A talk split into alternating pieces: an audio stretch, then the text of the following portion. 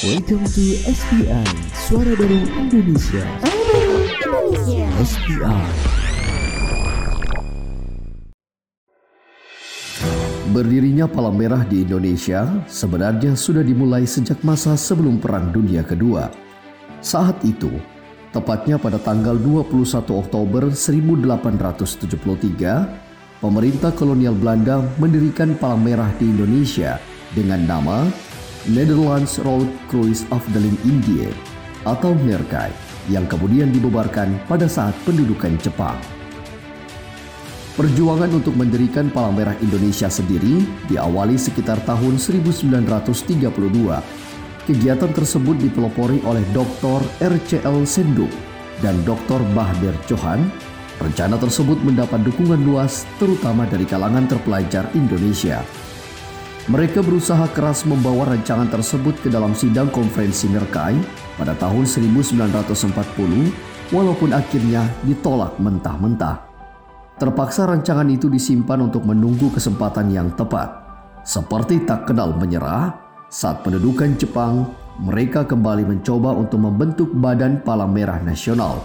Namun sekali lagi, upaya itu mendapat halangan dari pemerintah tentara Jepang sehingga untuk kedua kalinya rancangan itu harus kembali disimpan. 17 hari setelah proklamasi kemerdekaan 17 Agustus 1945, yaitu pada tanggal 3 September 1945, Presiden Soekarno mengeluarkan perintah untuk membentuk suatu badan palang merah nasional.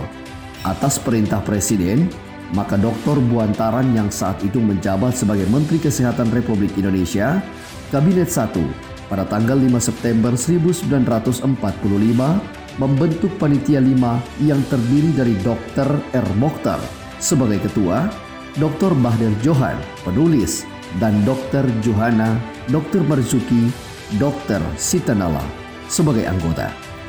Akhirnya Perhimpunan Palang Merah Indonesia berhasil dibentuk pada 17 September 1945 yang diketuai oleh Dr. Randus Muhammad Hatta.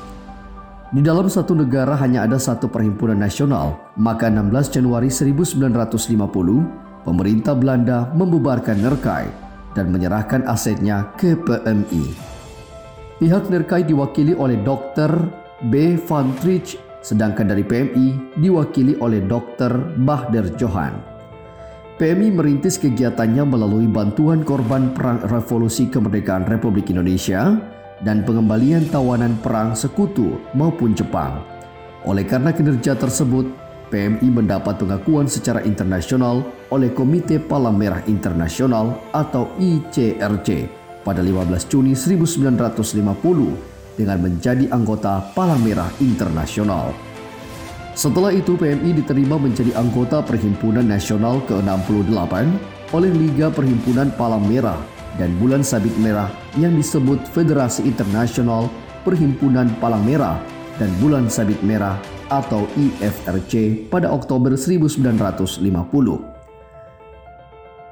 PMI terus memberikan bantuan hingga akhirnya pemerintah Republik Indonesia Syarikat mengeluarkan Kepres nomor 25 tanggal 16 Januari 1950 dan dikuatkan dengan Kepres nomor 246 tanggal 29 November 1963. Pemerintah Indonesia mengakui keberadaan PMI.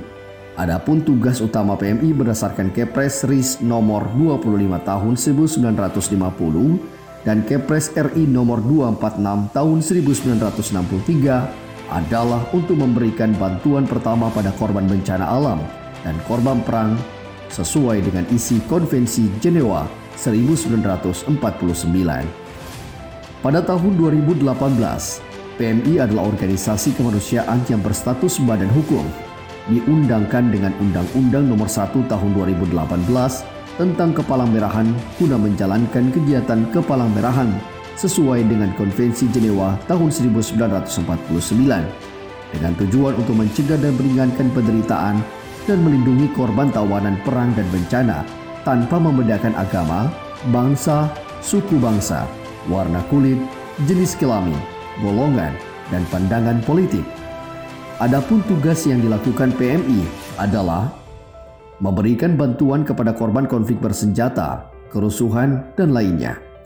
memberikan pelayanan darah sesuai dengan ketentuan peraturan perundang-undangan, melakukan pembinaan relawan, melaksanakan pendidikan dan pelatihan yang berkaitan dengan kepalang merahan, menyebarluaskan informasi yang berkaitan dengan kegiatan kepalang merahan, membantu dalam penanganan musibah dan atau bencana di dalam dan di luar negeri, membantu pemberian pelayanan kesehatan dan sosial, dan melaksanakan tugas kemanusiaan lainnya yang diberikan oleh pemerintah.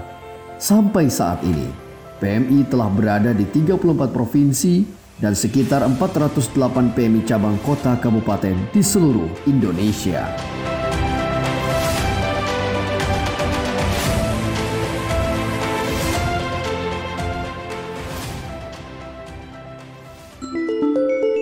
SPI, SPI Suara Baru Indonesia. Suara baru Indonesia.